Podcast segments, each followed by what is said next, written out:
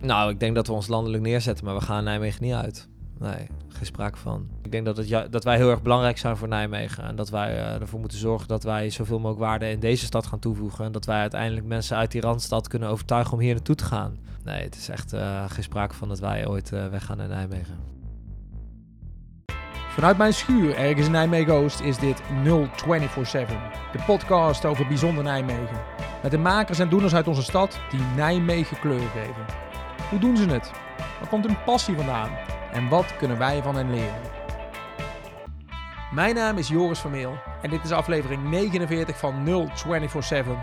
Vandaag praat ik met Mauke Rodermond, misschien wel de creatiefste festivaldirecteur van Nijmegen.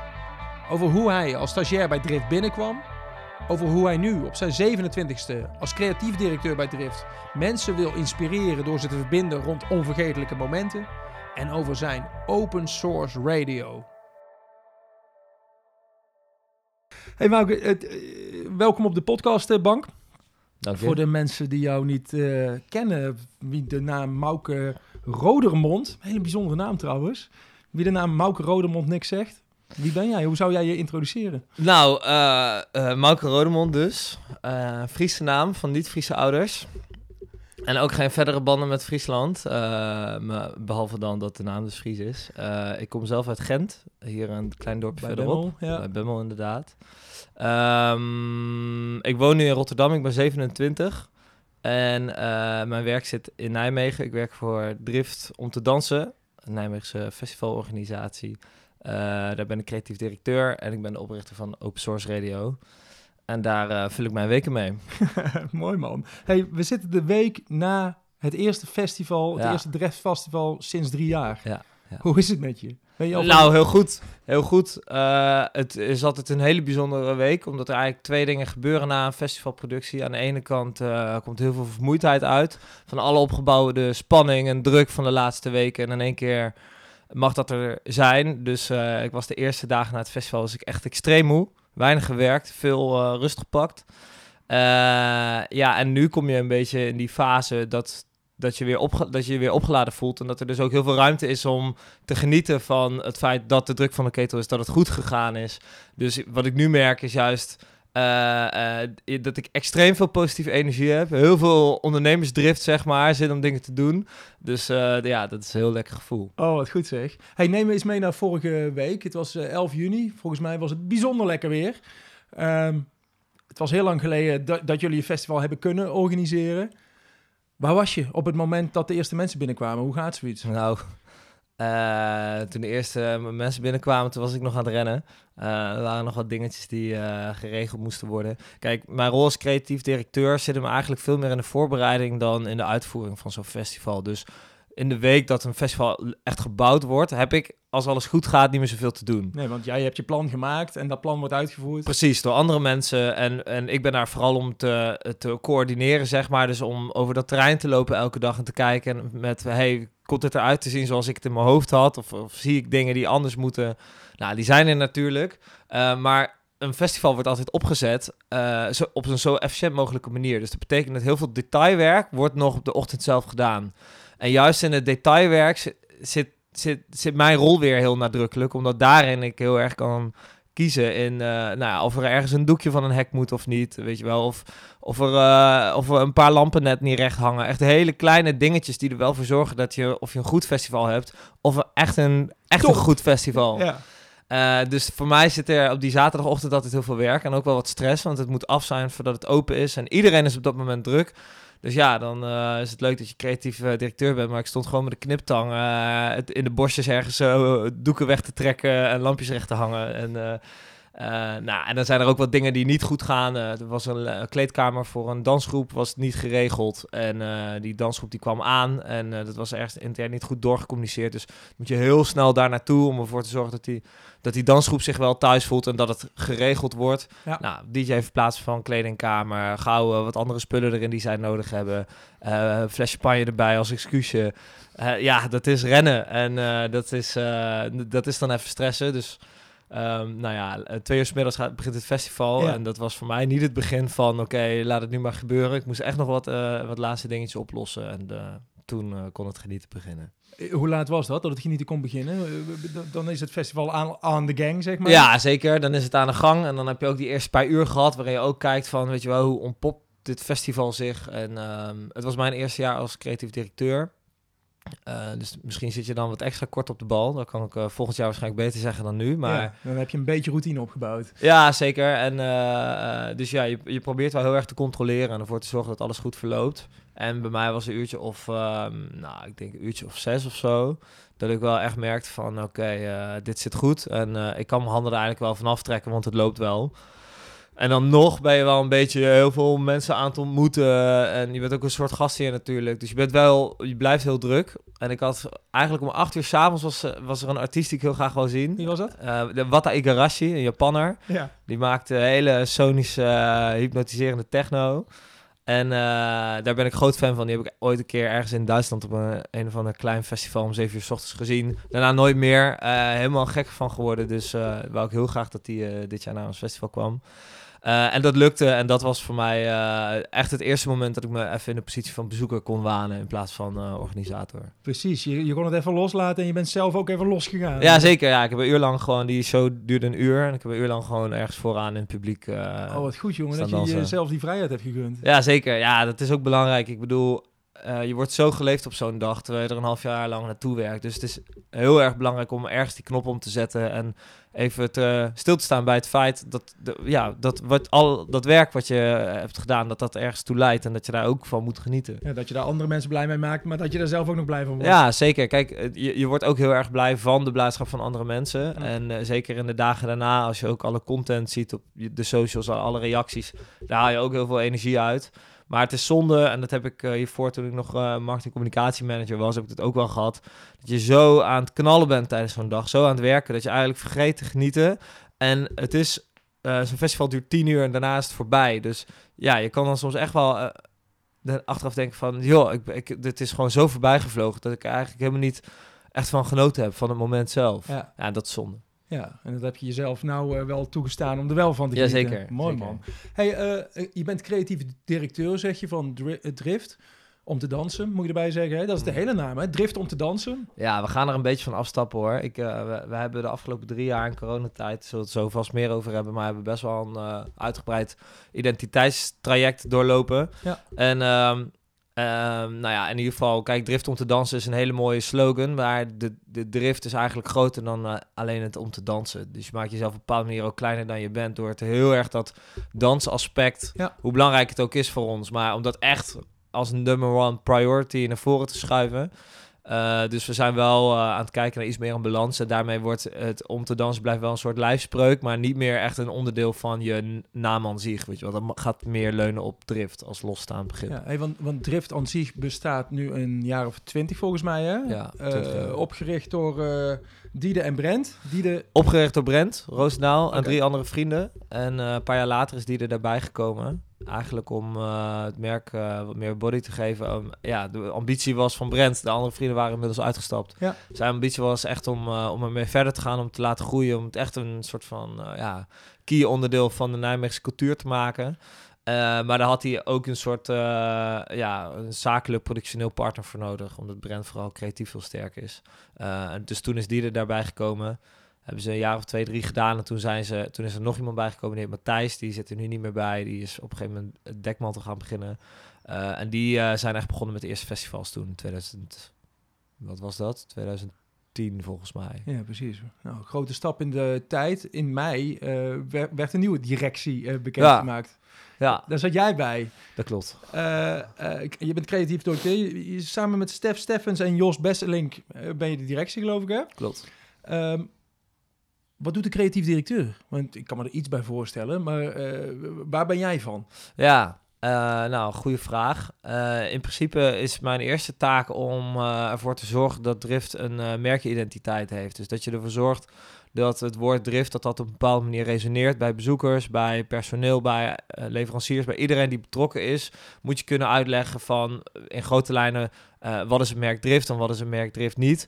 En uh, uh, vanuit daar ga je kijken naar hoe kun je dat doorvertalen binnen je organisatie. Dus je zorgt, je zorgt er eigenlijk voor, om het even heel erg samen te vatten, eh, dat jouw identiteit van je organisatie, dat die verweven zit in zoveel mogelijk lagen van je organisatie. Hè? Dus in, in je programmering, in je, eh, eh, in je kunst, maar ook in eh, je personeel, in je partnerships, eh, in je productie natuurlijk. Dus eigenlijk in heel veel...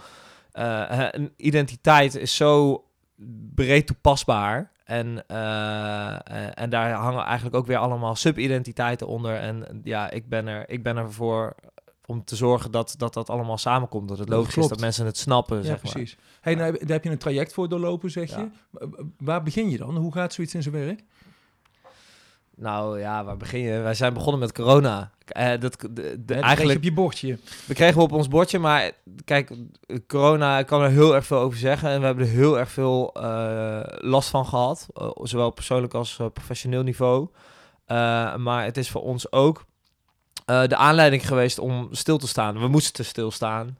En hoe vervelend dat ook is, het gaf ons wel de ruimte voor het eerst in, nou toen dus eh, 17 jaar, Ja. om te kijken naar wie we zijn, wat we doen, eh, of we dingen anders kunnen doen, of we het goed kunnen uitleggen wat we doen. En ja, er was nooit eigenlijk iets gedocumenteerd over, hey, dit is de identiteit van Drift, of dit is waarom we doen wat we doen. Ehm, eh, en daarmee was er ook ruimte voor kritische vragen. Zoals, eh, nou, we doen een evenement voor acht per jaar. Willen we dat wel? Is het wel logisch? Is het zakelijk gezien interessant? Is het eh, qua profieltechnisch gezien interessant? Weet je wel? Is het prettig werken? Dat, al dat soort vragen, die, daar was in één keer ruimte voor. En dat is eigenlijk de aanleiding geweest voor ons om te zeggen... oké, weet je wat? We gaan er echt diep induiken. Ja, En waar, waar je voorheen van evenement naar evenement leefde Ah, en joh. daaruit doorboekte. Alleen maar achter de feiten aan. Ja, Altijd. precies. Zeg maar. Er was, we vierden onze evenementen niet eens. Eh, eh, bij wijze van, we zaten nu alweer eh, met onze hoofd in het volgende evenement. Ja. En we waren echt aan het rennen. En ja, we, we deden dat. We hielden van ons werk. We hielden van de dingen die we doen. We geloven erin. Dus wat dat betreft, ja, voelde dat op een bepaalde manier ook goed. Eh, maar het is zoveel beter om stil te staan, om echt een stukje bewustwording te hebben. Om, Nou, dat is het eh, denk ik. Onbewust weet je wel wat je aan het doen bent en waarom je het doet. Ja. Maar jullie, hebben eigenlijk, jullie zijn stil gaan staan, gedwongen stil te staan, Ja. om bewust na te denken over de vraag wie zijn we nou en wat willen we nou eigenlijk. Ja. ja, zeker. En bij mij, zeg maar, de, ik heb ook wel een. eh, het is ook wel een kracht van mij om goed, goed een organisatie te structureren. En er heel, voor, heel erg voor te zorgen dat je iets, als je iets doet, dat je dat goed kan uitleggen. Ja. En dus dat is ook wel een soort van. Ja, gezamtkunstwerk van Brent en mij geworden. En Brent natuurlijk met al zijn ervaring en, en als het ja, toch wel het kloppende hart van Drift. eh, zijn wij met z'n tweeën vooral gaan kijken naar, oké, hoe kunnen we die, eh, die identiteit vorm gaan geven? En dat is ook een beetje het de start geweest van mijn eh, rol naar creatief directeur, zeg maar. Dat als dat proces af was, we ademden dat allebei zo erg dat dat voor hem ook het vertrouwen gaf om dat stokje over te Te dragen. gek. Hey, volgens mij is de zin drift inspireert mensen door ze te verbinden rondom onvergetelijke momenten. Klopt dat? Is Ja, dat, dat is je identiteit. nou ja, dat is een onderdeel van. Kijk, wat wel grappig is, is wat jij doet en waarom je dat doet, is helemaal niet zo heel erg uniek. Met alle respect. Ik bedoel, je organiseert elektronische muziekfestivals. Daar zijn er meer van. Er zijn er meer van in een bepaalde niche. Er zijn er een stuk minder van, maar er zijn er nog steeds heel veel van. Ehm, en eh, dat doe je inderdaad omdat je, omdat je ontdekt hebt bij jezelf dat je een, eh, een bepaalde passie hebt. En je hebt ook nog eens het talent om die passie over te brengen aan anderen, waarmee je die mensen inspireert. Ehm, maar daar kan ik ook nog tien van opnoemen, zeg maar. Dus, Ja. dus zo uniek is dat niet. Eh, en toch is het heel belangrijk om dat wel goed uit te kunnen leggen. Om goed te snappen dat dat is wie je bent.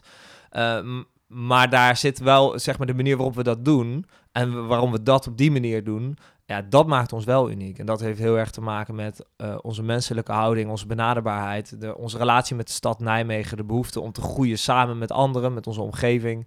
Ehm, te investeren in een bepaalde diepgang, context te geven aan onze evenementen, daar bezoekers in mee te nemen, mensen de ruimte te geven om te ontsnappen, maar ook de ruimte te geven om te verdiepen. Ja, daarin, daarin zit die identiteit verweven. Weet je wel. Dat maakt ons echt heel anders dan, eh, dan andere organisaties. Mooi. Ik wil even helemaal terug in de tijd. Dit gaat over elektronische muziek. Ja, Wat was jouw eerste kennismaking met eh, elektronische muziek? Hoe oud was je toen? ja dat, is, eh, dat eh, is een leuke vraag.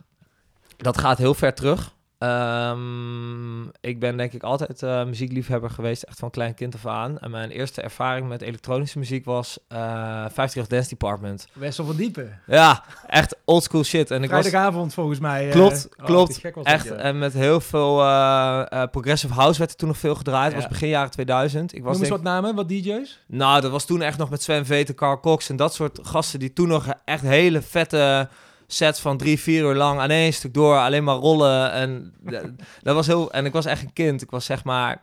Ik, ja, ik zat nog op de basisschool. Ik was negen of tien. En ik had van mijn oppas had ik een radiootje gekregen. En die stond uh, bij, me, bij, uh, bij het hoofd van mijn bed. En daar viel ik viel altijd op slaap, in, in slaap 538, het ja, Dance Department op vrijdag. Want dat was negen uur begon dat volgens mij of zo. Ja, zoiets. Ze ging de hele nacht door. Ja. En, uh, en als je op, op zaterdag had je Juice. Juice FM volgens mij, met, uh, met hip-hop en R&B. Ja. Dus dat luisterde ik ook wel, maar die vrijdag vond ik veel vetter. En uh, dus die vrijdag, ja, dat was, dat was, dat is wel uh, dat ik echt in aanraking kwam met ook iets wat, wat natuurlijk heel erg in het verlengde ligt van de muziek die wij nu programmeren. Um, ja, en daarbuiten heel veel verschillende lijnen afgegaan van muziek. Ik heb een hardstyle tijd gehad, ik heb een hardcore tijd gehad. Ik heb rondom mijn achttiende, toen ik voor het eerst ging feesten, was ik helemaal van de dubstep en drum en bass. Daarna nog een hele foute uh, Future House uh, hoek ingedoken met uh, wat meer mainstream muziek. en toen eigenlijk, toen ik op een gegeven moment als, als stagiair bedrijf binnenwandelde, dat was in 2017 volgens mij. toen ging er voor mij wel echt een, een nieuwe wereld open. Toen ik ontdekte hoeveel diepgang, hoeveel lagen er in die elektronische muziek zit. Dat wist ik helemaal niet ja, toen ontdekte ik wel van wauw, weet je wat, dit is echt een soort van uh, uh, ja, een uh, eindeloze put aan muziek. En, en, en, en daar zijn mensen op zo'n andere manier mee bezig dan dat ik dacht. En dat was voor mij wel de grote ja, inspiratie om eindeloos die muziek in te duiken. Ja. ja want waarom wandelde jij bij Drift binnen als stagiair? Wat, wat, wat sprak je daarin aan? nou, ik, was, ik moest afstuderen. Ik was 21 volgens mij. Ja, want je, de, je deed in de handen iets van business IT management. Klopt. Wat is dat? Mm. Die studie bestaat niet meer. Uh, die is uh, opgegeven terwijl ik nog aan het afstuderen was. Oh, lekker dan. Uh, hij is vervormd, hij heeft een andere naam gekregen. het gaat eigenlijk om, om ehm, de ontwikkeling van online media en hoe je dat kunt toepassen in okay. een marketingtechnische vorm, even kort samengevat. Ja, dus jij had een stage nodig om af te studeren? Ja, ik moest afstuderen. Ik had zelf al veel meer... Het is een hele brede stage. Het ging, of uh, opleiding. Het ging echt van... Je leerde websites bouwen, je leerde magazines ontwerpen, maar je leerde ook een businessplan schrijven en uh, verdienmodellen uitwerken enzovoort.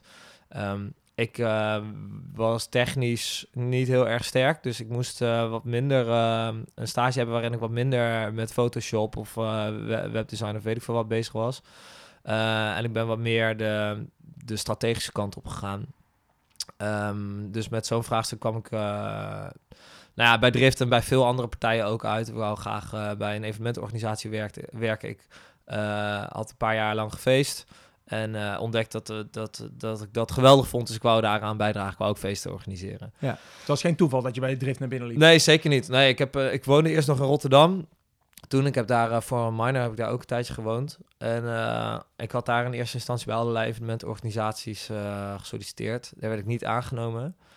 Um, toen ben ik naar Nijmegen gegaan. Toen heb ik eerst bij Subcultuur gesolliciteerd, want dat vond ik vetter toen de tijd. die hadden geen plek. En ik had tegelijkertijd bij Drift gesolliciteerd. Het ging een beetje tegelijkertijd. Subcultuur reageerde eerst met... die gaven aan dat ze eigenlijk geen ruimte hadden om iemand te begeleiden. En Drift wel. En uh, nou ja, dat, uh, dat, uh, achteraf is dat me goed ook. Uh, want dat bleek gewoon een match made in heaven te zijn. Weet je de eerste keer nog dat je daar binnenliep bij Drift? Ik weet, mijn sollicitatiegesprek weet ik nog heel goed. Dat was in de Viking met Brent. Wat is de Viking? De Viking is een lunchroom aan het einde van Lange Hezelstraat. Oké. En ja, het was leuk, want ik, had, ik wist niet hoe die mensen eruit zagen. En ik kende de achterkant van evenementenorganisaties niet zo goed. Dus ik ging ervan uit dat Brent een lange, knappe man met een grote baard en uh, oorbellen en tatoeages en uh, alles erop en eraan was. Echt zo'n soort uh, stijl-icoon. Nou, en ik, wil, ik vind Brent een hele mooie man, maar, maar dat was hij niet. het was gewoon een normale gast. En dus dat was, dat was al grappig, zeg maar. Dat je een soort van, je hebt, je, ja, je hebt zo'n beeld. Je hebt die, die achterkant is zo onzichtbaar van zo'n evenementenorganisatie. En je, je gaat het echt ophemelen op een bepaalde manier. Maar goed, het was een heel gezellig gesprek. En hij zei, eh, ik wou echt heel graag daar op. Dus ik was hartstikke zenuwachtig. En hij had gewoon, een, eh, hij had gewoon zijn normale kloffie aan. En ik kwam daar echt in een blouseje en lakschoentjes uh, kwam ik daar aanzetten. en ehm, eh, ja, toen zei hij binnen 10 minuten zei hij van... Nou, volgens mij eh, is dit helemaal goed. En je moet hier lekker stage komen lopen. Terwijl ik dacht van, ik moet een uur lang mezelf keihard gaan verkopen. Want anders gaat het gewoon niet lukken. Ik was al vaker afgewezen. Ja. Dus toen hij dat zei, ja, het was echt fantastisch. Ik kreeg een knuffel van hem daarna en toen ben ik naar huis gegaan. En eh, ja, dat was echt geweldig. En toen heb ik, eh, ik was best wel ruim op tijd. Ik, ik had echt nog een paar maanden voordat mijn stage begon. Tussendoor was nog herfstdrift. Dus ik heb eerst nog een beetje geholpen met herfstdrift buiten mijn stage om. Cool. Eh, en toen ben ik, eh, dat was in november. En toen ben ik in februari het jaar erop ben ik pas begonnen met mijn stage. Ja, dan, dan doe je stage, die, die, die, die rond je af, je rond je studie af. Ja. Ik eh, dan is normale stage afgelopen en ben je ook klaar bij drift. Ja, klopt. Nou, mijn stagebegeleider, Rick Vorneman heette, die, die had een eigen videobedrijf, dat heet WeDo. En eh, dat liep heel goed op dat moment. En hij deed dat en hij deed, hij deed nog wat marketingwerk voor een restaurant. En hij, deed, eh, en hij werkte voor Drift.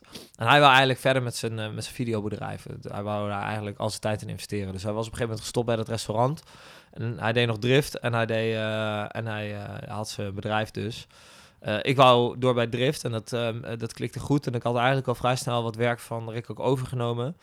Ehm, dus ja, die, die, die, die overstap voelde op een bepaalde manier heel organisch. Rick ging eruit en ik nam zijn positie in. Ja, Dus ik heb, eh, ja, ik ben afgestudeerd. Ik heb een eh, ik heb weekend gehad en eh, de maandag daarna ben ik begonnen. alsof er niks veranderd was. Ja, wel spijt van hoor. Ik had echt even een maandje vrij moeten nemen. Even een soort van genieten van het feit dat je afgestudeerd bent. Weet je wel, zes jaar gestudeerd. Maar ja, ik wou zo graag bij Drift werken. Joh. Ik was veel te blij. Ik dacht, eh fuck dit, ik ga alles. eh, als ik mag werken, dan ga ik werken. Dus, is eigenlijk wat je net over drift beschreef, dat je gewoon maar door aan het gaan was, dat heb je in je eigen leven precies zo meegemaakt. Ja, zeker. Ja, ja dat, dat is eh, net zo goed een persoonlijke ontwikkeling. Dat je leert van dat je jezelf op een bepaalde manier op de eerste plek moet zetten. En eh, ja, je enthousiasme is supergoed, weet je. Dus wat dat betreft past ook bij de leeftijd en eh, levensfase waar ik toen in zat, dat ik dat deed. Maar ja, door de jaren heen leer je gewoon dat je, dat je soms stil moet sta- staan. En dat het, als je iets heel graag wil, dat het niet betekent dat je daar direct op moet duiken. Hey, je begon mee te draaien of je draaide mee in het, eh, in, in het organiseren van die festivals. Ja. Ehm, wat sprak je daar zo in aan? Nou, eh, natuurlijk het eindproduct, eh, waar ik zelf gewoon groot fan van was. Dus iets creëren waar je van houdt. En ja, je hebt een behoefte, je, bent je houdt ergens van. Dus je wil heel graag andere mensen daarin meenemen en laten zien van, hey, moet je kijken hoe vet het is. Dus als je dat let, letterlijk kunt organiseren, dat, dat is een gigantische stimulans. Eh, maar ook ja, ik, hou echt heel erg van met z'n allen de schouders eronder zetten met getalenteerde mensen en, en, eh, en iets moois maken. En als jij op een gegeven moment merkt van dat je echt kwaliteit in huis hebt en met die mensen ga je samen een heel groot evenement organiseren, ja, daar krijg ik eh, zo'n adrenaline kick van. Dat vind ik zo vet, weet je wel, dat je dat je de kracht hebt als team om dat te doen. Eh, dus dat is voor mij nog steeds ook wel een, eh, een, eh, een, een gigantische drijfveer. Los van de inhoud die je presenteert, gewoon dat je dingen kunt bedenken en dat je in staat bent om dat in-house eh, te fixen, voor Ja. elkaar te krijgen. Ja, dat geeft je gewoon een heel erg eh, krachtig gevoel. Hey, dat levert een hoop hoogtepunten op, maar natuurlijk af en toe ook diep- dieptepunten volgens mij. 2019, herfstdrift. Ehm, volgens mij hadden jullie daar knalhard aan gewerkt en toen kwam er noodweer die dag. Ja, dat was Drift Festival in, eh, Sorry. in, eh, in, in de lente. Dus de, drie jaar, ruim drie jaar geleden nu. was de eerste keer dat we een tweedaagse evenement gingen doen. Eigenlijk een nieuwe stap in, in de geschiedenis van Drift. Uitbouwen naar een extra dag. Voorheen was het gewoon één dag en dan Ja. ga je s ochtends en s avonds ga je weg of Ja, s'nachts ga je weg. ja, Maar dit was een tweedaags festival, dus Ja. sowieso heel ander werk volgens mij, toch? Als in, eh, het, ja, het zeker. vraagt wat anders. Ja, het vraagt wat anders. En we hebben dat, eh, we hebben dat zwaar onderschat ook toen de tijd. Want je denkt van, we doen gewoon eh, hetzelfde trucje nog een keer. Weet je? En het is financieel is het natuurlijk voordelig. Maar je gaat ervan uit dat iedereen twee dagen wil komen. En dat het, dat het opzetten van een tweedaags evenement... dat dat ook in grote lijnen hetzelfde is. Alleen dan een dagje erbij. Eh, maar ja, je gaat gewoon een hele nieuwe festivaldag organiseren. En daarmee wordt jouw hele festivalbeleving anders. En zeg maar, iedereen gaat anders tegen je festival aankijken. Van leveranciers tot partners tot bezoekers. Waar zit tot dat in dan? artiesten. Waarom is het anders? Nou, financieel ga je een heel ander spel spelen natuurlijk. Dus als je kijkt naar, eh, naar de deals die je maakt met partners dan, eh, en de mogelijkheden die daarbij komen kijken, dan is dat totaal anders. Dus we hadden in één keer hadden wij eh, allemaal partijen waar we mee, ge- mee gingen werken, die echt serieus budgetten in het festival wilden stoppen. Maar daarvoor moet je ook kunnen leveren op het gebied van zichtbaarheid op het terrein, maar ook in je marketingcommunicatie. Ik was toen eh, nog een communicatiemanager. Ja, ik heb in die periode zo'n bak werk op me afgekregen. Dat, dat, eh, dat was voor mij echt al lang niet meer leuk. En, eh, ehm, dus ja, daarin wel onderschatting. En ook denken dat je bijvoorbeeld twee keer tien dagen of 10.000 man per dag kunt, kunt verkopen. Terwijl eh, ja, mensen moeten echt wennen aan een nieuwe festivaldag. En je moet dat echt opbouwen. eh, In plaats van dat je direct groot begint. Eh, dus dat hebben we ook onderschat in die De kaartverkoop. drempel is hoger waarschijnlijk ook. Bedoel je dat? Ja, sowieso. Ik bedoel, als je wil dat mensen twee dagen komen, dan moeten ze twee dagen kaart betalen. Daarnaast was de tweede dag was een zondag. Ehm, en het was weliswaar Pinksteren, dus je had maandag vrij. Maar ja, mensen gaan toch minder snel op een zondag uit. Eh, dus ja, dat was ook complex om die mensen eh, naar je evenement toe te krijgen. En nou ja, er kwam gewoon heel veel bij kijken. En eh, dat, was, dat was een uitdaging. En uiteindelijk hadden we het nog wel redelijk goed voor elkaar gekregen. Maar het was echt slooptocht, zeg maar. We waren echt allemaal kapot. En ik heb zelf ook wel ergens een keer die campagnes voor een mental breakdown gehad. Omdat ik het gewoon letterlijk niet meer trok. Ja. Ook heel leerzaam achteraf. Ehm, Want waarom wilden jullie een tweedaags festival? Was dat gewoon... ja, Laten we het eens proberen. Ja, nou ja, je, je, je, je bent jarenlang aan het groeien. Een paar duizend eh, bezoekers eh, erbij, elke editie. En je merkt dat eh, als je groeit, dat je mogelijkheden meer worden. Ehm, en dat, je, dat er ook meer, zeg maar, je hoeft je festival minder functioneel in te steken. Als jij wat meer ruimte hebt, wat meer speling hebt, wat meer, ook wat meer financiële middelen hebt om, om, om te investeren in je festival.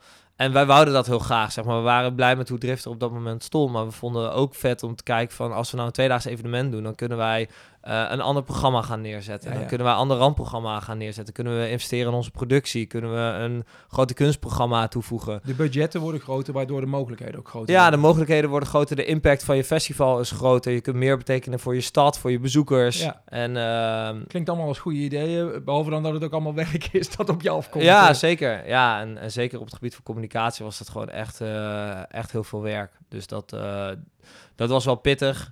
Ja, dan is het natuurlijk bizar als jij een week voor je festival eh, hoort van... nou ja, het eh, ziet er toch wel spannend uit, maar we gaan het kijken, aankijken hoe het eh, gaat lopen. Je hebt het over het weerbericht. Het weerbericht inderdaad. En ehm, ja, dan elke dag kom je dichterbij en op een gegeven moment komen er crisisoverleggen... en eh dan schuift de gemeente aan en de brandweer schuift Want er aan. werd een zware storm voorspeld volgens mij. Ja, die werd voorspeld. En dan, eh, nou, gauw je verzekeringen bij. Ik bedoel, als je niet verzekerd bent, dan ben je in één klap failliet. Kun je je spullen pakken.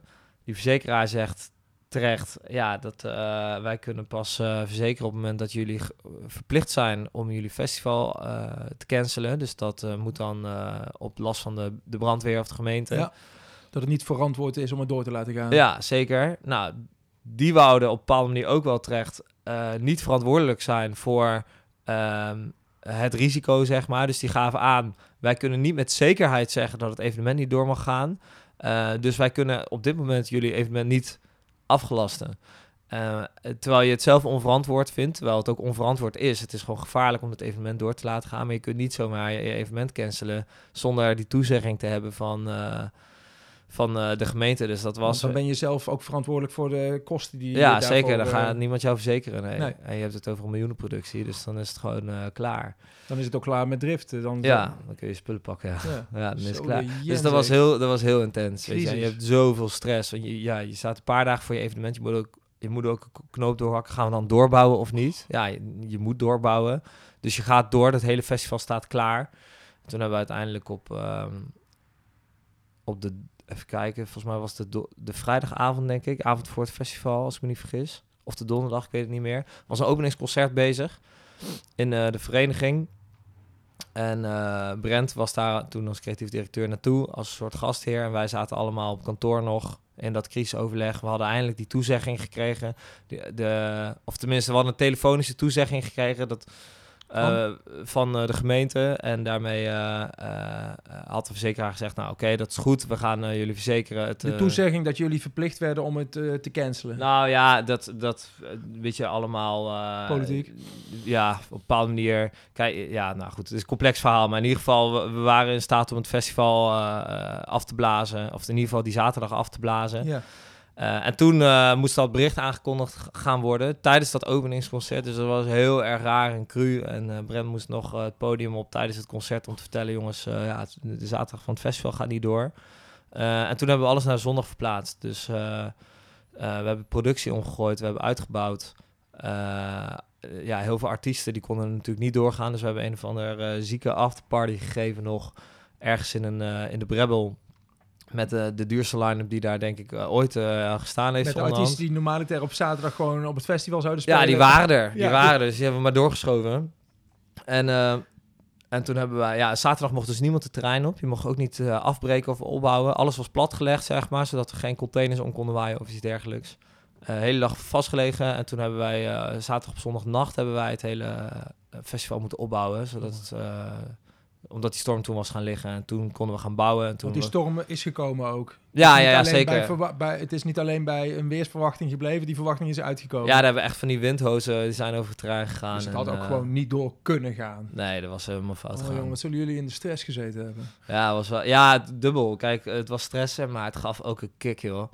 Weet je, als je dat soort dingen aan het doen bent en eh, het is echt erop of eronder en iedereen eh, voelt van, oké, als we het nu niet goed doen, dan is het klaar, zeg maar. Dan zijn we onze baan kwijt, dan, is het, dan bestaat drift niet meer. Dus er is, er is, eh, er is geen middenweg, zeg maar. En als je, dan, als je er dan voor gaat, dan moet je ervoor zorgen dat het eh, helemaal perfect is. Want je kan jezelf geen fouten permitteren. En dat, die lading, zeg maar, dat geeft ook een kick. Het moet. Dat, ja, het moet en, en iedereen voelt dat. En dat merk je ook aan de manier waarop, eh, waarop iedereen op zo'n moment werkt. Weet je wel, je werkt zo hard en zo punctueel en zo on point.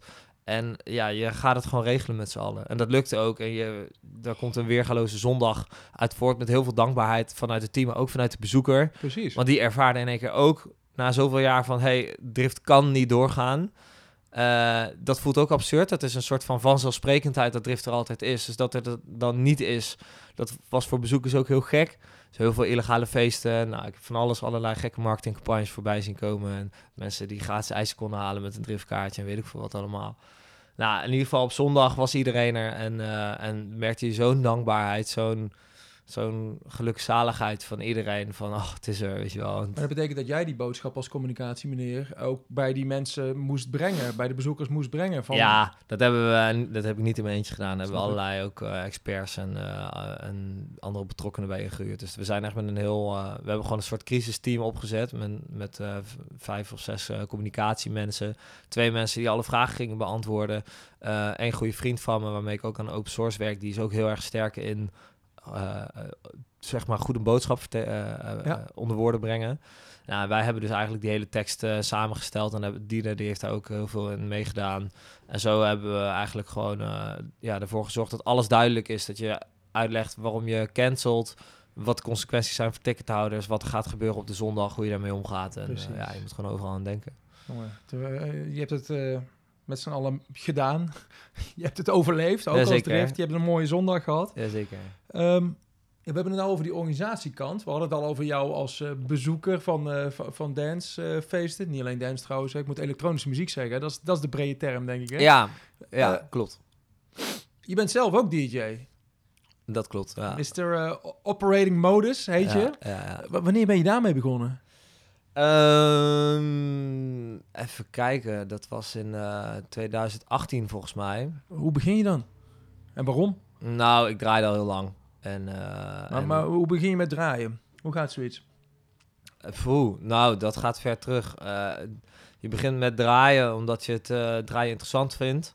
Eh, ja, ook diezelfde passie, muziek en eh, daar wil, je, daar wil je in verder. En dan... Dus dan koop je draaitafels, moet ik het zo zien? Nee, ik had een vriend van me, die had, eh, die had een draaitafel en ik ging zelf een half jaar naar Curaçao. En hij kwam op mijn afscheidsfeest kwam hij draaien. En eh, toen mocht ik natuurlijk ook draaien. Dus dan heb ik eh, tijdens mijn eigen afscheidfeest eigenlijk alleen maar achter draaitafels gestaan. En, eh, Maar dit, dit klinkt eh, alsof het je eerste keer is en dat je het dan gelijk kan. Zo werkt het toch niet? nee, nee, nee, nee, dat was aanklooien. Ik snapte er niks van. Maar ik vond het wel zo fascinerend dat ik gewoon de hele avond een soort van gehypnotiseerd met die draaitafel ben bezig geweest in plaats van met mijn vrienden. Lekker afscheidsfeest. Ja, dat. eh, Nou, het, afscheidsfeest was tegelijkertijd een soort beginfeest van je, van je DJ-carrière. Ja, in a way. Ik ben in Curaçao, heb ik, eh, ja, ik had geen draaitafel staan natuurlijk, maar je gaat, eh, je gaat oefenen en eh, door tutorials te kijken en je probeert het gewoon maar een beetje te snappen, zeg maar. Ja. Ja, en op een gegeven moment heb ik gewoon stoute schoenen aangetrokken, heb ik organisatie benaderd daar, gezegd dat ik een eh, DJ uit Nederland was en dat ik wel wil komen draaien en dat lukte. Dus toen eh, heb ik daar eh eerst DJ-sets eh, gedraaid, maar dat was nog heel laagdrempelig. En, wacht even, je kijkt op YouTube naar tutorials, dan weet je dus wat je technisch zou moeten doen. Je hebt geen draaitafel, dus je kan het niet in de praktijk brengen. Nee, dus je brengt het in de praktijk tijdens ook echt... Ja, ik had wel een, vriend gemaakt daar, die kon echt draaien. Dus die, die stond naast mij. Ja, En die moest voor mij bijsturen. En het ging natuurlijk om de havenklap, snapte ik dingen niet. En in dan plaats van back-to-back stond je side-by-side. Ja, in a way, ja. Ja, op een bepaalde manier wel. Ja, als ik nou terugkijk, het sloeg natuurlijk helemaal nergens op dat je dat doet. Want ik, ik had gewoon echt nog nooit fatsoenlijk een draaitafel eh eh, onder handen genomen. Dus ehm, dat dat is goed gegaan, dat had ook heel anders kunnen uitpakken. Maar goed, het is wel lekker. En, eh, en het wa- was ook wel de aanzet, zeg maar, om daar vaker te draaien. Dus ik heb toen best wel wat eh, in wat eh, clubs en strandfeesten en zo eh, gestaan. Ehm, en toen in Nederland heb ik inderdaad draaitafels gekocht. Toen ben ik eigenlijk serieus gaan leren draaien. Omdat, omdat je toen ook... Ja, toen kwam ook wat meer eh, muzikale context en behoefte om echt soort van inhoudelijk geladen muziek eh, te gaan draaien. Wat betekent dat? Inhoudelijk? Nou, geladen daarmee muziek? bedoel ik eigenlijk van niet gewoon muziek eh, om mensen te laten dansen. En maakt eigenlijk allemaal niet zoveel uit wat dat precies is. Maar echt van, oké, wat voor muziek raakt mij? Hè, waar, waar, ja, wat, wat roept echt gevoelens bij me op? En wat, ja, wat wil ik overbrengen aan andere mensen? En dat is veel specifieker. Dat is ook echt een soort van, ja, is echt een reis door allemaal verschillende genres... waarin je gaat, een beetje gaat voelen, aftasten. Wat vind, wat vind je ervan? En ik ben op een gegeven moment wat meer bij... eh, nou, ga ik even in hele niche termen praten hoor. Maar je komt bij wat meer broken beat genres uit. Dus dat houdt in dat, het, dat je niet geen 4x4 beats hebt, maar juist wat meer eh, variatie in eh, de timing van je kickdrums. Ja, En nou ja, je hebt daar heel veel subgenres in. En ik heb de electro, echt de oude electro uit Detroit uit de jaren 90, die heb ik daarin als een soort basis gevonden. En vanuit daar ben ik heel erg gaan kijken naar wat meer experimentele muziekstijlen die ik daarin vermeng. En nou ja, uiteindelijk is het, is, eh, komt daar iets uit samen wat op eh, op een bepaalde manier heel erg ongrijpbaar blijft. Het, is heel spannend en, en, en, eh, en dynamisch, maar het heeft wel hele duidelijke energie. Zeg maar. Het is echt clubmuziek, echt muziek om, om nachtenlang op te dansen. En ja, er zit gewoon heel veel power in. En, en dat is een soort van mijn, eh, eh, mijn profiel geworden als artiest zijn. want dat is een zoektocht naar je eigen stijl dan eigenlijk. Zeker. En die begint dan, net zoals je bij Drift eigenlijk ook hebt gedaan, bij de zoektocht naar je eigen identiteit. Van wat raakt mij? Ja, ja, ja, dat klopt. Heb, Ja. heb- eh, hoe zou je je eigen stijl op dit moment omschrijven?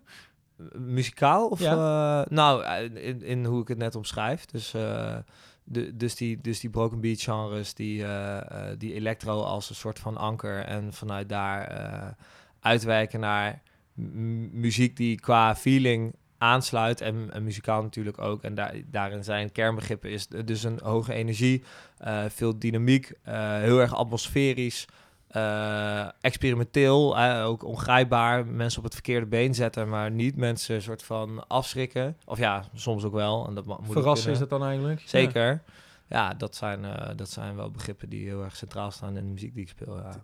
Welke ambitie heb je met je DJ? Wat is het voor jou, je, DJ-schap? Nou, ik had, ik had eh, heel veel ambities toen ik begon. En ehm, ik heb in Nijmegen, ik ben ooit bij een driftfest, eh, ben ik met mijn alter ego naar buiten gegaan, zeg maar. Daar heb ik voor het eerst gedraaid. Dat ging goed, werd ik opgepakt. Dus toen kreeg ik wat andere gigs bij Zeezout en Oscillator. En, en dat was wel de aftrap om veel te draaien. Ook wel buiten Nijmegen veel dingen gedaan. En eh, toen kwam corona. Dus eh, toen was ik net een jaar aan het draaien ongeveer. Toen kwam corona, dus toen stopte dat. Ja. En eh, ja, sinds die, sindsdien, ik ben veel bezig gebleven met muziek, maar ik merk wel aan de ene kant dat, dat ik andere prioriteiten heb met de oprichting van open source en, en met de groei bij Drift natuurlijk heb je gewoon dingen die belangrijker zijn dan, dan je profiel als artiest. Ik denk ook niet dat ik het vermogen heb om echt een grote artiest te worden. Dat, dat, daar heb je toch wel zoveel specifieke kwaliteiten voor nodig, dat dat niet helemaal bij mij past, denk ik. Wat mis je? Nou, ik denk wel een bepaalde um, eigenheid, ook als personage, die je ook weer doorvertaalt in je muziek. En ik denk, kijk, wat je vaak ziet bij artiesten, niet alleen bij DJ's, maar überhaupt bij artiesten, dat hele uitgesproken mensen zijn. Ja, ja. Uh, heel, hele duidelijke nou ja, een soort van identiteit als het ware die je ziet en die ook direct weer doorvertaald wordt in hun muziek. En daarin denk ik wel van, als ik naar mezelf kijk als mens, zie ik meer de ondernemer en meer de, de organisator van evenementen dan dat ik echt het artiestenleven leid, als het ware. En dat is ook wel, die ambitie heb ik ook niet, om, om, om, uh, om ook bijvoorbeeld om de havenklap in het vliegtuig te zitten of, uh, of twee keer per week aan het draaien te zijn. En Ehm, nou ja, dat is wel lastig, want dat is wel een ambitie van je geweest natuurlijk om dat wel te doen. En op een gegeven moment maak je, voel je dat dat, uh, dat je dat eigenlijk niet meer helemaal wil, maar ergens wil je toch ook nog, ja, je hebt daar ooit van gedroomd, dus je wilt het ook halen of zo. Dat is ook een stukje eigen mentaliteit van ja, als je iets wil, dan moet je het gewoon voor elkaar krijgen. Dus, dus om dat een beetje te temperen, dat uh, is nog wel een uitdaging.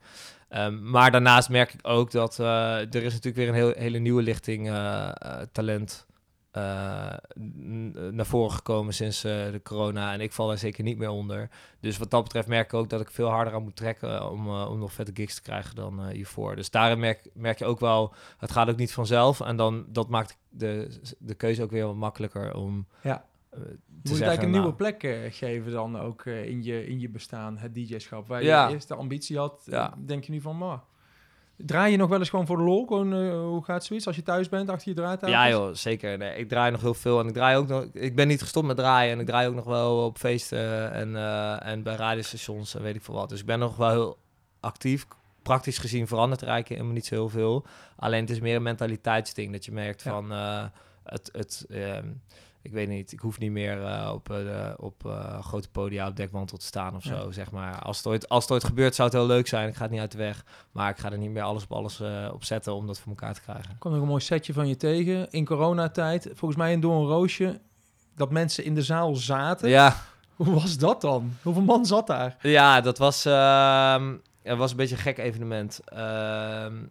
Dat zou eigenlijk, dat was in coronatijd, je mocht uh, eigenlijk niet dansen. En de Roosje had bedacht, weet je wat, we gaan uh, mensen op anderhalve meter laten dansen van elkaar. Dus we mochten er twintig man in de grote zaal. En dan kon je een soort party geven. En dat waren korte sets, 20 minuten. Ja, precies. En uh, waarin je dus nou ja, mensen even aan de dans kunt brengen. Dus ik, had, ik was ervoor gevraagd en ik vond het wel een leuke uitdaging ook om te kijken van... Nou, kun je echt iets neerzetten in 20 minuten. Dus ik had 16 platen, zeg maar. Die had ik samengevoegd en daar had ik een soort van zetten in voorbereid. Uh, en toen kwam uh, een paar dagen van tevoren kwam, uh, aan het licht dat mensen meer mochten dansen staan, dus die moesten zitten. Ja, dat sloeg natuurlijk nergens op. En uiteindelijk was leuk om dat te doen, maar het slaat op een bepaalde manier helemaal nergens op om voor een groep zittende mensen clubmuziek te draaien. Nee, het is je wel gelukt om er echt een uh, samenhangende set van te maken. Ik zal hem delen ook uh, bij de aflevering. Want uh, te gekke set, maar je ziet mensen op een stoel zitten met hun armpjes in de lucht. Ja, kijk er nu wel terug. Kijk, je maakt ook een soort van. Aan de ene kant maak je ook een soort statement van. je laat zien van dat het te belachelijk voor woorden is. En dat vind ik op zich goed. Um, maar het is ook uh, bloedfrustrerend om uh, in zo'n setting uh, te draaien. En ja, als ik er nu op terugkijk, denk ik ook van ja, het is lachen, maar het slaat helemaal nergens op. nee, vooral hoge energie in je muziek en dan zitten mensen op een stoel. Het kan er ook gewoon niet uit. Ja, je wil er ook niet aan meedoen eigenlijk, weet je wel, aan zo'n aan zo'n belachelijke, belachelijke maatregelen. Weet je, het is gewoon frustrerend. Dus daar, ik heb er wel dubbel gevoel bij. Aan de ene kant vind ik het goed om zichtbaar te maken van hoe ridicuul het is. Aan de andere kant kunnen mensen ook denken dat het juist wel kan. Ik bedoel, daarom zijn die maatregelen ook uh, ingevoerd. Omdat ze denken, ja, boeien, dan ga je toch zitten, weet je wel. Dat kan toch ook. Ja. Uh, dus daar wil je ook juist weer helemaal niet in meegaan. Dus ja, dat wringt een beetje. Snap ik. Hey, um, in, in mei ben je gestart als creatief directeur. En wat je toen gelijk gedaan hebt, is ook een artikel geschreven. eh, voor de, of een brief was het eigenlijk eh, aan de Drift Community, als ik Ja. het zo mag noemen. Eh, met daarop, eh, met als titel, dit kun je van ons eh, verwachten. Je gaat focus op festivals hebben, integratie, kunst, en cultuur. Je hebt een week van het Drift Festival en je Ja. gaat je toeleggen op talentontwikkeling. Ja. Eh, wa- wa- waarom dacht je dat dat goed was om, eh, om, dat, om die brief te delen? Wat, eh, wat was je gedachte erachter? Nou, ik denk, ik denk ten eerste, ik heb het eerder gehad over die menselijkheid van ons als organisatie. We doen echt ons best om ons naast de bezoeker te zetten in plaats van erboven. Ja, en daarmee vind ik een bepaalde mate van transparantie heel belangrijk. En zoals ik zelf al aangaf, het beeld dat ik van Brent had toen de tijd toen ik daar ging solliciteren. Je hebt zo weinig zicht op hoe zo'n achterkant van zo'n organisatie eruit ziet. En ja, ik vind het belangrijk om mensen daar wat meer in mee te nemen. En daarin is het ook belangrijk dat mensen weten wie ik ben en hoe ik eruit zie. En hoe eh, Jos en Stef eruit zien. En, en waar we mee bezig zijn en hoe we in de wedstrijd staan. Ehm, dus ja, zo'n brief schrijven eh, is wat dat betreft heel erg waardevol. Omdat je mensen meeneemt in het verhaal. En je geeft mensen een stukje eigenaarschap. Van, hey, weet je wat, dit gaat er gebeuren. En het drift is ook van jullie weet- op een bepaalde manier. En ze hebben er inspraak in. En je wil mensen meenemen in, in, in wat je doet. En dat, ehm, eh, ja, dat is de aanleiding van zo'n brief. tof. Hey, talentontwikkeling is een van die eh, pijlers. Je hebt al een paar keer naar Open Source Radio eh, genoemd. Eh, platform dat jij eh, samen met Sander Grondman hebt opgericht. Hè? Ja. Ook in coronatijd was het volgens mij. hè? Ja. Augustus, september 2020. Ja. Eh, Open Source Radio is een online radioplatform voor hip-hop en eh, elektronica in en uit Nijmegen. Hoe ging dat in zijn werk? Nou, moet ik eigenlijk terug naar, een, eh, naar eh, de, ja, 2018 ook, toen ik werkte als eh, talentmakelaar voor de Roosje. Ja. Eh, dat deed ik voor de Roosje en ook voor de basis. Dus ik, en Wat ik is een talentmakelaar? Ja, goede vraag. Een talentmakelaar is eigenlijk een soort van nieuw, eh, een, een nieuwe functie.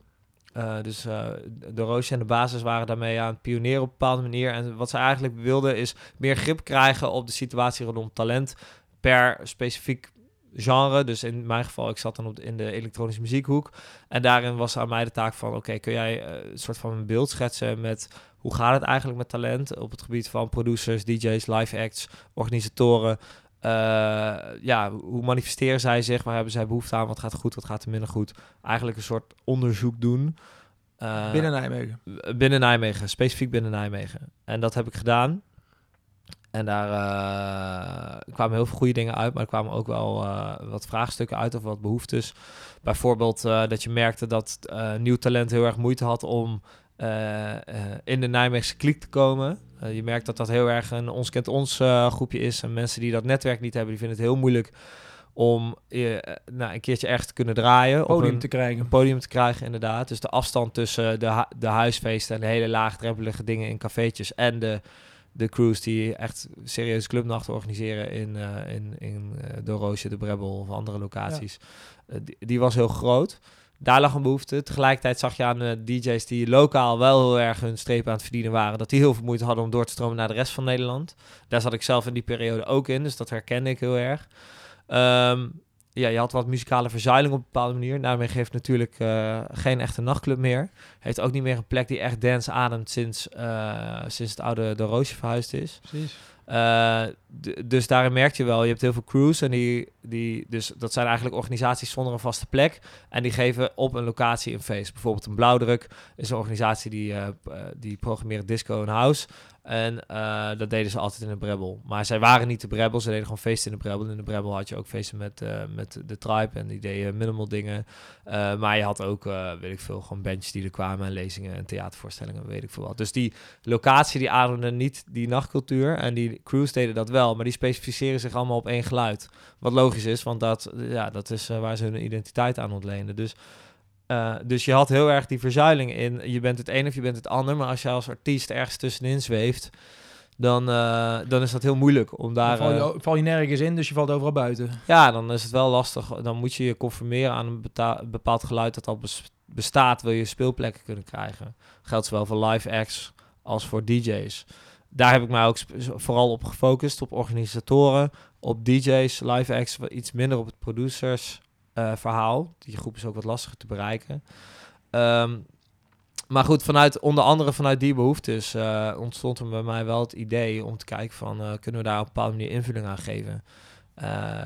En ik denk dat Nijmegen heel erg hard een nachtclub kan gebruiken. Dat denk ik nog steeds. Maar ik wist wel meteen van, nou, dat ga ik in ieder geval niet doen. Uh, maar een andere manier om dat, uh, uh, om dat in te richten is door een online radiostation op te richten. Om juist ervoor te zorgen dat zowel laag, een soort van beginnend talent als al wat gevorderd talent zich in de kijker kunnen spelen op verschillende niveaus. Waar juist heel veel ruimte is voor experiment, dingen samen laten komen. Waar ruimte is voor samenwerking, kruisbestuiving, waar nieuwe dingen kunnen ontstaan. Ehm, ja, en daar, dat wou ik graag gaan doen. En toen ben ik met de talentmakelaar hip-hop, dus degene die hetzelfde deed als ik, alleen dan voor de hip-hop. Zijn we gaan kijken van is het dan niet interessant om juist die elektronische muziek en hip-hop samen te brengen? Omdat we hebben op een bepaalde manier dezelfde vragen, of we zitten met dezelfde dingen, dus we hebben dezelfde behoeftes.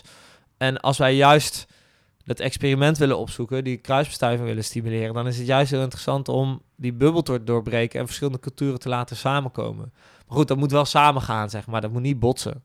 Dus dat was een hele grote uitdaging, maar we hebben wel besloten dat te gaan doen. Wat achteraf een hele goede call was. Je wilde eigenlijk de hokjes daarmee doorbreken en een podium bieden voor, uh, voor, voor nieuwe mensen, maar ook voor bestaande DJ's. Ja, zeker. Ja, zeker. Dus, dus het profiel wat je bij ons kunt verwachten zijn echt van mensen die al uh, eh, 20 jaar leven van het DJ zijn en uh, de hele wereld overtoeren tot mensen die bij ons voor het eerst achter een een echte serieuze draaitafel staan. je moet wel bepaalde kwaliteit hebben. Het is niet zo dat als je een keer een uurtje plaatje hebt gedraaid, dat je bij ons kunt staan. Um, uh, maar we staan wel, we, ja, we proberen echt gewoon te luisteren naar wat iemand doet, in plaats van te kijken naar het profiel wat iemand heeft. En als iemand talent heeft, omdat hij een fantastische muziekcollectie heeft, of omdat hij uh, heel goed kan draaien, uh, ja, of allebei, dan, dan is daar wel ruimte voor. Ja, om ja en elke donderdag tot en met zondag is, is er eigenlijk is er ruimte om te spelen. Ja. Volgens mij keek in de agenda net. Ja. En hij staat weer helemaal vol vanaf, vanaf de middag volgens mij tot de 12 avond. tot 8. 12 tot 8 elke dag. 12 tot 8. Ja. Dus 12 uur s middags begint het en tot 8 uur s avonds. Ja. Het is bij Hubert, of niet? Ja. Wij, Hoe ging dat in zijn werk dan? We hebben een oude zeecontainer gekocht. Ja. Oude koelcontainer. Omdat die geïsoleerd zijn. Uh, die hebben we omgebouwd. Ja, daar hebben we een soort van box-in-box uh, installatie in gemaakt. Uh, wat ook weer goed is voor isolatie en het doorlaten van geluid en zo.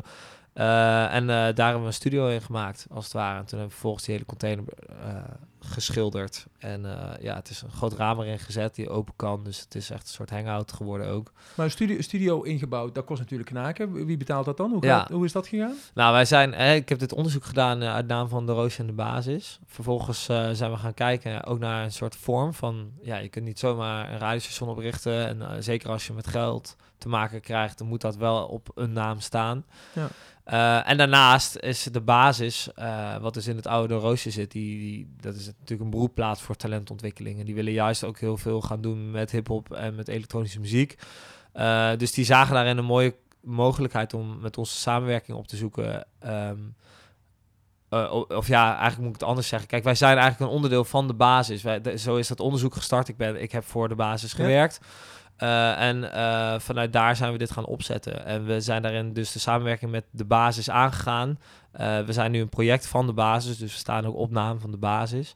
Zij hadden een grote subsidieaanvraag voor de verbouwing van hun pand. En een deel daarvan is uh, naar ons gegaan, zodat wij die opstartkosten konden maken. Ja, want je zit bij Hubert, je zit niet ja. bij de basis. Is het wel het idee om ooit bij de basis te gaan zitten ook uh, daar? Nou, fysiek? dat was het idee wel. Alleen het lastige aan de basis is dat het geen openbare plek is. Dus je kunt daar niet zomaar naar binnen lopen voor een biertje. En wat wij wel in de tijd bij Hubert hebben gemerkt, is dat er heel veel waarde zit in dat mensen open source niet kennen, daar komen. Het raam staat open, geluid is doorgelust. Je kunt luisteren, je kunt met de artiesten kletsen, je kunt een biertje drinken, vragen stellen.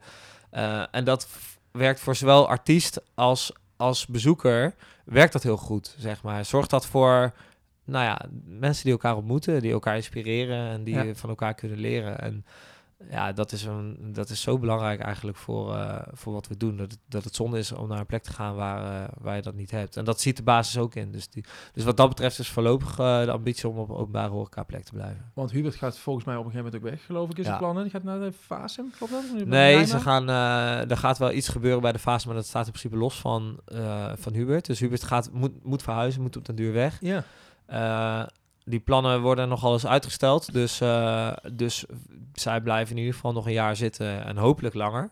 Uh, maar die zijn druk aan het kijken naar een andere plek. Ja, ja maar die zeecontainer kun je oppakken en ergens anders neerzetten, toch? Ja, dat is ook wel het verdienmodel. Eh, ik bedoel, eh, eh, het is niet heel makkelijk om inkomsten te genereren van, met een online radiostation. Nee. Eh, we doen dat door middel van subsidies. We doen dat door middel van partnerships. En we doen dat ook door middel van samenwerking met evenementen. Eh, dus daar hebben we wel echt goed over nagedacht van... als wij willen samenwerken met een evenement zoals een, uh, een Down the Rabbit Hole bijvoorbeeld... Ja, over een paar weken staan jullie op Down the Rabbit Hole Ja. met je container ook? eh, met container, ja. Te gek. Ja, en de- je moet eigenlijk het, eh, een, een festivalorganisatie moet je het zo makkelijk mogelijk maken. Dus wij hebben er wel over nagedacht van, nou, dan moeten we ervoor zorgen dat die container, dat die gewoon volledig mobiel is. Je hebt niks nodig voor de rest. Stekker erin. We hebben, we hebben zelfs eigen internet, maar we vragen wel aan een even- evenementenorganisatie van, oké, hebben jullie bedraad internet voor de zekerheid? Dat is makkelijker dan ons mobiele internet, een stuk veiliger.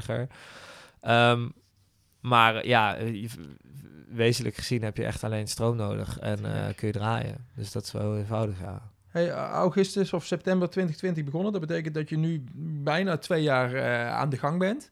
Hoe, hoe gaat het? Als in, is het een succes? Is het wat je voor ogen had? Ja, ik kan wel zeggen dat het echt onze verwachtingen overtreft. En ik ben er best wel ambitieus, dus ik had hoge verwachtingen. Maar kijk, het scheelt. Je hebt een vooronderzoek gedaan, dus je weet dat er een bepaalde behoefte is. We hebben dat eerste jaar gebruikt om, eh, om, om te, controleren of dat bestaansrecht wat we verwachten, of we dat ook werkelijk hebben. Ja, dat is gewoon dubbel en dwars gelukt. Want ondanks dat het land op slot zat, eh, heeft dat ook de mogelijkheid geboden om juist heel erg veel exposure te krijgen. Waar iedereen zeg maar de mond gesnoerd werd. Eh, hadden wij juist wel de ruimte om ons te laten horen. Dat is ook de reden waarom we het in coronatijd hebben opgestart. Want het was, eh, was eh, financieel gezien was het veel minder verantwoordelijk als je niet kunt samenwerken met andere evenementen enzovoort. Dus ja, dat, had, dat, had, dat was complex, maar dat had ook zeker zijn voordelen. En ja, we hebben gemerkt aan. Nou, misschien is dit, deze zomer wel het mooiste voorbeeld. Als we zien met wie we, nu, met wie we nu allemaal gaan samenwerken. We hebben zes samenwerkingen staan deze zomer. We gaan even kijken. Vier keer gaan we de container verplaatsen. Eén keer staan we op een festival op een area. En één keer staan we in een andere container. Uh, welke festivals gaat het dan om? Nou, die mag ik nog niet allemaal zeggen. Maar het gaat. eh, we hebben Drift eh, afgelopen eh, weekend gehad. Eh Down the Rabbit Hole komt eraan. We staan op het Falcon Festival. Ja, er staat nog één festival wat ik heel graag zou willen noemen, maar dat mag gewoon nog niet. Dus, maar dat is wel echt een droom. En we staan in het najaar nog op herfstdrift. Dat kan ik ook wel vast gek. eh, delen. Hey, de- de- de- dus je verdienmodel, dat, dat loopt lekker. Aan de andere kant was een van de doelen talentontwikkeling. Mensen programmeren die daar ervaring ook op konden doen. En gewoon ook eh, Ja. zich aan de wereld konden laten horen. Ja. Is dat gelukt? Zijn, zijn er mooie Nijmeegse namen naar wie we zeker moeten luisteren? Ja, ik denk, ehm, ik denk dat eh, het programma dat we bij Drift hadden afgelopen weekend, dat dat een, eigenlijk een mooi antwoord is. Want daar stonden allemaal mensen die nog geen tot nauwelijks ervaring achter de draaitafel hadden voordat open source begon. Die hebben zich via open source echt in de kijker gespeeld. En een aantal mensen die zijn echt op hoog niveau aan het draaien nu. En die worden wekelijks geboekt. Noem eens En, wat namen. eh, nou, Locus Error, eh Ozum, dat zijn twee acts die echt heel veel, ja, heel erg hard aan het opkomen zijn. Hennio is een duo die, eh, die house, house draait. Die zijn heel veel mooie stappen aan maken. Die draaiden al wel iets meer volgens mij voordat open source begon. Maar die hebben ook bij ons eh, heel veel mooie stappen gemaakt. Een van de jongens die werkt ook bij ons. Theo Son werkt ook bij ons. Heeft zijn eerste DJ-set eh, bij open source gedaan. En die wordt nou ook op her en der geboekt. Eh, en dan hebben we nog wat mensen. Kim Josephine, Pieter Drijver, Jacob Dubbel. Dat zijn allemaal, ja, dat, dat daarmee heb je ook het hele programma. Maar dat zijn wel allemaal mensen die hun eerste stappen, of in ieder geval beginstappen bij ons hebben gezet. En ehm, ja, die echt professionele circuit aan het verkennen zijn op dit moment. Ja. En dat is wel heel vet om te zien. Hey, ik kan me voorstellen, in coronatijd zat natuurlijk alles dicht en was opensourceradio.nl online wel benaderbaar. Ja. Was het dan ook nog spannend toen de wereld weer open ging of het dan nog steeds wel eh, beluisterd zou worden? Of, of eh, was het juist ideaal om in coronatijd te starten en daarmee naam te maken om het vervolgens door te laten lopen? Nou ja, wat, wat, wat, wat betreft soort van je, ehm, je bereik is het wel heel erg lekker, die corona. Ja, en eh, ja, daar, daar kan ik niet omheen draaien. Dat heeft wel in ons voordeel gewerkt, maar wij, dat heeft... Dat was niet alleen corona, dat was ook omdat we gewoon een goed verhaal hadden, hebben. En eh, we hebben er bijzondere projecten gedaan. We hebben een eh 48 uur marathon gedaan met... eh, Samen alleen heette die, hè? ja, 48 uur samen alleen. Eh, een groot project hebben we ook apart subsidie voor aangevraagd. We hebben alles en iedereen die in Nijmegen eh, de, de hip-hop of de elektronische muziek zien vertegenwoordigt, die hebben we uitgenodigd. En daar hebben we echt een gigantische stream mee gedaan. Ook met, eh, met eh, kunstvoorstellingen en eh, grote live acts die helemaal niet in de container pasten. En ja, was echt, ehm, echt een slooptocht. Maar 48 uur achter elkaar en non-stop. ja, eh, en eens ik door eh programma Hartje Winter in lockdown tijd. We hebben voor iedereen hebben we van die, van die vrijstellingverklaringen dingen moeten fixen. En, eh, Om de straat op te mogen bedoel je? om de straat op te Ja. mogen. Nou, die straten die waren bezaaid met sneeuw, dus je kon niet eens, eh, je kon niet eens fietsen. En eh, het was hartstikke koud. Eh, eh, het was keihard werken met een, eh, met een heel klein team. Waren wij verantwoordelijk voor echt grote artiesten, politici, kunstenaars. Eh, alles en iedereen die, eh, die naar onze container kwam. En eh, we werkten samen met 113, dus we haalden ook geld op. Al een hele, hele webshop opgezet. Precies, want het ging rondom het thema eenzaamheid Ja. voorkomen. Hè? Daar ging het Ja. om. Ja, ja. En ja, dat zagen we gewoon. Kijk, wij zagen dat mensen die, die naar ons station luisterden, die voorheen naar festivals en feesten gingen, die, die, die keerden zo naar binnen, zeg maar. Die waren zo, die, ja, die, die konden nergens meer heen. En je zag daarin in de cijfers wel dat er heel veel eh, depressie toenames, überhaupt eh, mentale problemen, eh, problemen bij, eh, bij jongeren, dat dat gigantisch aan toenemen was. En daar wouden wij, wij wouden dat zichtbaar maken. En daarmee hebben we dus samenwerking opgezocht met 113. Alle, eh, alle winst hebben we ook eh, aan hun gedoneerd. En, ehm, eh, en daarmee programma gemaakt eh, om, om onze scenes en de mensen die daarvan houden, om die te, eh, te vertegenwoordigen. Ja, dus open source radio is here to stay. eh. Ja, dat sowieso. Ja. We gaan nergens heen. ja, naar festivals, maar eh, We komen altijd weer terug. ja, zeker. Hey, je woont in Rotterdam tegenwoordig. Ja, klopt. Waarom? In hemelsnaam. Nou, dat, eh, dat is een eh, vraag die mij vaak gesteld wordt. En eh, ik heb vijf jaar geleden in Rotterdam gewoond, of zes jaar inmiddels. En eh, daar een fantastische tijd gehad. Altijd de ambitie gehad om eh, nog eens een keertje terug te keren. Vijf jaar in Nijmegen gewoond daarna. Ook heel erg leuk gehad, maar ook op den duur de behoefte gekregen om, om weer verder te gaan ontdekken. En, en ik vind sowieso wonen in een stad waar je niet werkt, vind ik heerlijk. Dat geeft Mhm. ook een bepaalde anonimiteit. En ja, een beetje een soort van twee levens. En dat, dat kan ik Je soms wel- werkt hier en je leeft daar. ja. ja, en ik leef ook wel een beetje hier, maar ik kan er ook uit als ik wil. En ik kan er ook instappen als ik wil. Ja. En het is, als jij zo, als je een soort van werk en hobby zo verweven zijn met elkaar, kan het best wel intens zijn. Zeker in een relatief kleine stad als Nijmegen, waarin je, waar je iedereen kent. En ja, dat, dat is op een bepaalde manier ook intens. Dus het is ook heel lekker om daaruit te kunnen stappen. En daarnaast vind ik Rotterdam gewoon echt een hele zieke stad. En eh, echt een grote bron van inspiratie voor mij ook. Dus, en sowieso het, het, het, het landen in een stad of o- überhaupt op een plek waar je niet zo heel veel mensen kent. eh, waar je niet echt een netwerk hebt. Een stad die je zelf ook nog niet heel erg goed kent, ondanks dat je er gewoond hebt. Dat geeft mij ook een andere prikkeling, zeg maar. Weet je, de stad ligt aan je voeten, weet je wel. Het kan alleen maar mooier worden op een bepaalde manier. En dat, dat vind ik ook een lekker gevoel. Dat je Mooi. opnieuw kan bouwen. Hey, Drift is op dit moment nog echt Nijmeegs, als Ja. gericht op Nijmegen. Ja. Eh, zoals jij in Rotterdam zit, is, is, zijn er ook plannen om Drift eh, groter uit te zetten of landelijk neer te zetten? Nou, ik denk dat we ons landelijk neerzetten, maar we gaan Nijmegen niet uit. Nee, geen sprake van. Waarom niet? Nou, omdat het, omdat het niet nodig is. Kijk, mensen kunnen ook hierheen komen. nee, ja, nee, oprecht, serieus. Ik vind, ik vind, ik denk dat het voor Nijmegen heel belangrijk is. Wij, om, wij, wij hebben zo'n sterke band met de stad. Zeg maar, wij kunnen niet naar een andere stad, omdat ons merk kan daar niet landen. Weet je wel, wij, wij, ehm, ja, we zijn verweven met de stad Nijmegen. We ontlenen een stuk van onze identiteit aan deze stad, dus we kunnen dat niet loslaten. We willen dat ook niet loslaten. Ik vind ook dat, dat je, ja, er, er gebeurt al zoveel op, eh, zeker in de Randstad, zeg maar. Want dat zou dan vaak de logisch, meest logische plek zijn om naartoe te gaan, meer naar het centrum. Ja, dat, eh, dat zou ik heel zonde vinden. Ik denk dat, het ja, dat wij heel erg belangrijk zijn voor Nijmegen. En dat wij eh, ervoor moeten zorgen dat wij zoveel mogelijk waarde in deze stad gaan toevoegen. En dat wij uiteindelijk mensen uit die Randstad kunnen overtuigen om hier naartoe te gaan. Dat doen we ook al wel. Alleen eh, het zou mooi zijn als we dat nog meer kunnen. Maar ehm, nee, het is echt geen sprake van dat wij ooit weggaan naar Nijmegen. Mooi.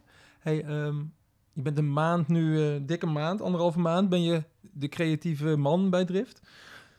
Eh, volgens mij heb je al een heel mooi festival meegemaakt. Waar kijk je nou nog het meest naar uit de komende periode, komende jaren misschien wel? Ehm, nou ja, je, je maakt een plan voor, ehm, voor meerdere jaren natuurlijk. En eh, ik denk wel, als ik kijk naar bijvoorbeeld die week, uh, die week waarin we van Drift, dus de week voorafgaand aan Drift Festival, hebben we diverse rampprogrammeringen georganiseerd om context te geven aan, aan wat we doen. Waar Drift eerder gewoon een eendaags festival was, heb je hem nu breder gemaakt? Ja, en uh, sowieso is de jaaropzet natuurlijk veranderd. We hebben alle clubnachten eruit gegooid. We doen bootfeesten, een tweedaags herfstdriftfestival en een eendaags driftfestival met daarin een voorafgaand dus een, een verdiepend programma, bestaande uit verschillende dagen, verschillende programma onderdelen, et cetera. Ja, waar ik wel heel erg veel zin in heb, is dat wij die verdiepingsslag die we nu al een beetje hebben gemaakt, om, om die uit te gaan bouwen. En om echt een soort van een week lang uh, vernieuwende, uh, uitdagende, verdiepende programma's maken. waarmee wij een soort van mensen meenemen in onze passie, in, in, uh, in, in ons leven eigenlijk. In die muziek, in die hele cultuur daaromheen. Uh, waarmee we mensen verrijken, hè? inspireren, maar ook iets bijbrengen, uitdagen om nieuwe dingen te ontdekken. Niet alleen driftbezoekers, maar ook heel veel mensen die niet naar drift gaan. En ik, ik zie daar heel veel potentie in om, om, om een heel erg leuk feest te geven, maar om mensen ook stil te laten staan. En want afgelopen jaar heb je dat al gedaan. Hè? Je hebt samenwerking met Lux heb je bijvoorbeeld uh, gehad. Is dat een voorbeeld daarvan? Ja. Wat heb hebben, je gedaan? We hebben drie programma, voorbereidende programma-onderdelen gedaan. We hebben een uh, documentaire, Sisters with Transistors, uh, in, in Lux vertoond met een panel naar de hand. op de donderdag hebben we een rave-workshop gegeven in Roosje. Dus dat was eigenlijk een ja, het is eigenlijk een dansworkshop, maar dan reefcultuur. Dus het draait helemaal niet om welk pasje je precies doet, maar meer met eh, leren de waarde van die reefcultuur te snappen, de uh, vrijheid van je eigen lichaam, uh, de, de, de, kracht van dans, van hard geluid, van uh, roken, lasers en weet ik veel wat allemaal. Maar dat was een lezing of wat was dat? Nee, dat was, dat was gewoon een soort van gestimuleerde, gesimuleerde reef. Dus daar, daar, we hadden de kleine zaal van Roosje afgehuurd. En daar stonden we met een groep mensen in. In het midden stond een vrouw op een verhoging met een, uh, met een headset op. En die, die, die ging keiharde muziek aan. DJ was aan het spelen. En zij ging een soort van uh, dansles geven. En je moest haar nadoen? Ja, je deed haar na. En op een gegeven moment uh, ging het helemaal niet meer om wat je deed. Maar gewoon dat je je vrij voelde in je eigen lichaam. En dat je... Uh, dat je elkaars verschillen accepteert en waardeert. En dat je contact maakt met elkaar. En uh, ja, dat soort dingen. Te gek, zeg. dat was echt heel... Dat was echt, ik heb een ander, laatste jaar niet zo hard gedanst als daar.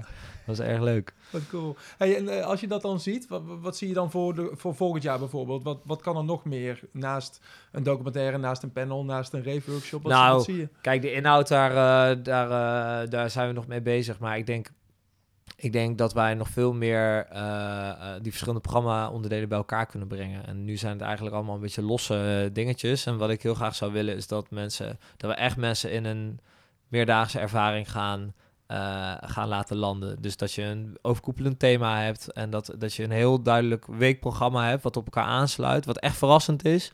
Ik wil eigenlijk zoveel mogelijk wegblijven van lezingen en dergelijke, maar juist heel erg die interactie opzoeken, verrassende programma's, mensen echt een beetje op het verkeerde been zetten, maar wel heel erg het gevoel geven van wow, ik heb vandaag iets unieks meegemaakt en, en, en daar ook van geleerd. En dat wil ik zeg, van, daar, met festival natuurlijk als soort van basis. afsluiter, ja. ja basis ja, dat, uh, daarin zie ik nog wel heel veel ruimte voor verbetering. Drift inspireert mensen door ze te verbinden rondom onvergetelijke momenten. Dat is wat het doet. Dat, uh... Ja, dat is wat je wil. En dat doe je per evenement doe je dat op een andere manier. En uh, kijk, her herfstdrift is al een heel eigen gereid evenement. Um, doordat het een buitenfestival is in hartje herfst, terwijl het min 1 is, bij wijze van om half vijf is het donker. Uh, Drift tot de boot is uh, misschien wel het leukste evenement wat we doen. Als in dat is gewoon een en al gekkenhuis. En weet je wel, is juist de kracht zit hem juist in de eenvoud. Ja, en, dri en Drift, is, Drift Festival is weer een evenement wa waarmee je heel veel ruimte hebt om juist wat meer context te geven en de verdieping op te zoeken. Dus ja. daarin werken die drie evenementen samen en vormen zij samen ook uh, ja, wat het merk Drift is. Wens je veel succes, jongen. Dankjewel. Kei leuk om je hier om het bank te hebben. Ja, en, insgelijks. Leuk te zijn. Ik kom echt een keer langs om ook uh, te reven. Een reven workshop lijkt ja, zeker, man. geschikt voor mij. Je bent, je bent meer dan welkom. Dankjewel, man. Dankjewel. Jezus. Je bent zo jong nog. Je Lekker, hebt al fucking zoveel gedaan. Ja, super te gek, toch? Ja, mooi, mooi. maar dat mooi. is toch ook gaaf om je passie gevonden te hebben? Ja. Ja. Zie je dat ook zo? Ben je daar, ben je daar bewust van? Sta, Ja, sta, je wel, sta je wel eens zelf stil? Ik sta zeker stil. Ja, ik sta zeker stil. En dat, dat, daar heeft eh, die coronapandemie ook echt wel in geholpen. Dat, uh, Brent heeft een keer al helemaal op papier gezet van hoe het met ons als organisatie ging. Die heeft toen ook een soort brief geschreven aan eh, onze bezoekers. Ja, dat was voor mij heel bijzonder. eh, dat, dat, ra- dat heeft me heel diep geraakt, zeg maar. Wat schreef hij op? Ja, je moet als je brief aan onze bezoekers Drift intypt, dan, eh, dan kun je hem eens lezen. Maar dat gaat eigenlijk meer om maar, hoe, vast, hoe erg wij vastgelopen zijn als organisatie. En dat we het eigenlijk ook niet meer weten. In En- coronatijd bedoel je? in coronatijd, ja. precies. En dat dat, eh, en dat, dat, dat dat heel erg pijnlijk is, maar dat het, het ons ook heeft doen realiseren hoe, hoe belangrijk onze bezoekers voor ons zijn. En hoe dankbaar we zijn dat wij dat dit ons werk is, weet je wel. Ja, dat, ja. Dit, dat, dat wij mensen mogen laten dansen, mensen gelukkig maken, weet je wel. Mensen onvergetelijke herinneringen bezorgen. Dat dat je werk is, dat dat een, dat dat een heel bijzonder iets is. Dat raakte jou. Dat raakte mij enorm, weet je wel. Daar kon ik echt heel erg emotioneel van worden, omdat, omdat, omdat dat zo prachtig is. Maar het was er op dat moment ook niet. Dus het was ook fucking verdrietig. Je omdat- miste het. Ja, ja. verschrikkelijk. Iedereen miste het. Ja, dat was, ik vond dat, eh, dat was een buitengewoon pijnlijke tijd. Omdat, weet je, je ontleent een stukje van je identiteit aan je werk. En als, dat, als daar een streep doorheen gaat, dan gaat er ook een stukje streep, streep door een stukje van jezelf heen. En dat voelt gewoon heel erg eenzaam. Weet je wel, als, je, als, er, als dat er niet mag zijn en, en je uitlaatklep, namelijk ergens gaan dansen, die is er ook niet meer. Dus je zit helemaal vast. En eh, ja, dat is gewoon... eh, dat is gewoon een mega intense tijd geweest. Negatief. Gewoon pijnlijk en, eh, en, en uitzichtloos. Dus ja, dat, wa dat was wel heel intens. Maar het heeft me wel doen realiseren wat het voor me betekent. Weet je wel. En daar kan ik nu wel veel beter bij stilstaan daardoor. Dat je, je hebt wel geleerd. Dus het, het is vaak zo, weet je wel. Als je iets niet meer hebt, dan kun je goed beseffen wat het voor je betekent. Nou, dat was dit ook. Ja, man eh, weet pas wat hij mist als er er niet is. eh, Ja. zong, zong de dijk al eens. Mooi dat we, dat we in, een, eh, in een elektronisch interview nog even de dijk Ja, lekker. Ja, lekker, lekker, lekker. Hey, bedankt. Zo, dat was hem dan, de 49ste aflevering van 0247. Ik praatte vandaag met Mauke Rodermond van Drift. Misschien wel de creatiefste festivalorganisator van Nijmegen. Tja, en toen dacht ik dat het interview afgelopen was, maar toen kwam er toch nog een hele mooie persoonlijke noot van Mauke achteraan. Geraakt worden door wat je doet. Of als je het niet kunt doen, geraakt worden door wat je mist. Ik gun dat toch iedereen. Hey Mauke, dank voor je mooie verhaal, voor je persoonlijke ontboezeming. Ik eh, heb ervan genoten. Ik hoop dat ook jullie ervan genoten hebben thuis of in de auto of op de fiets, waar je deze podcast ook eh, mogen luisteren. De komende week heb ik nog twee interviews eh, gepland staan, tot aan de zomer. En daarna heb ik even een lekkere break. Ehm, nou ja, abonneer je in die tussentijd op mijn eh, Instagram feed, podcast0247. Of eh, natuurlijk op deze podcast in je favoriete podcast app, zodat je hem altijd eh, langs kunt horen. Ehm, ja, dat was het voor deze keer. Tot de volgende maar weer. Haaien.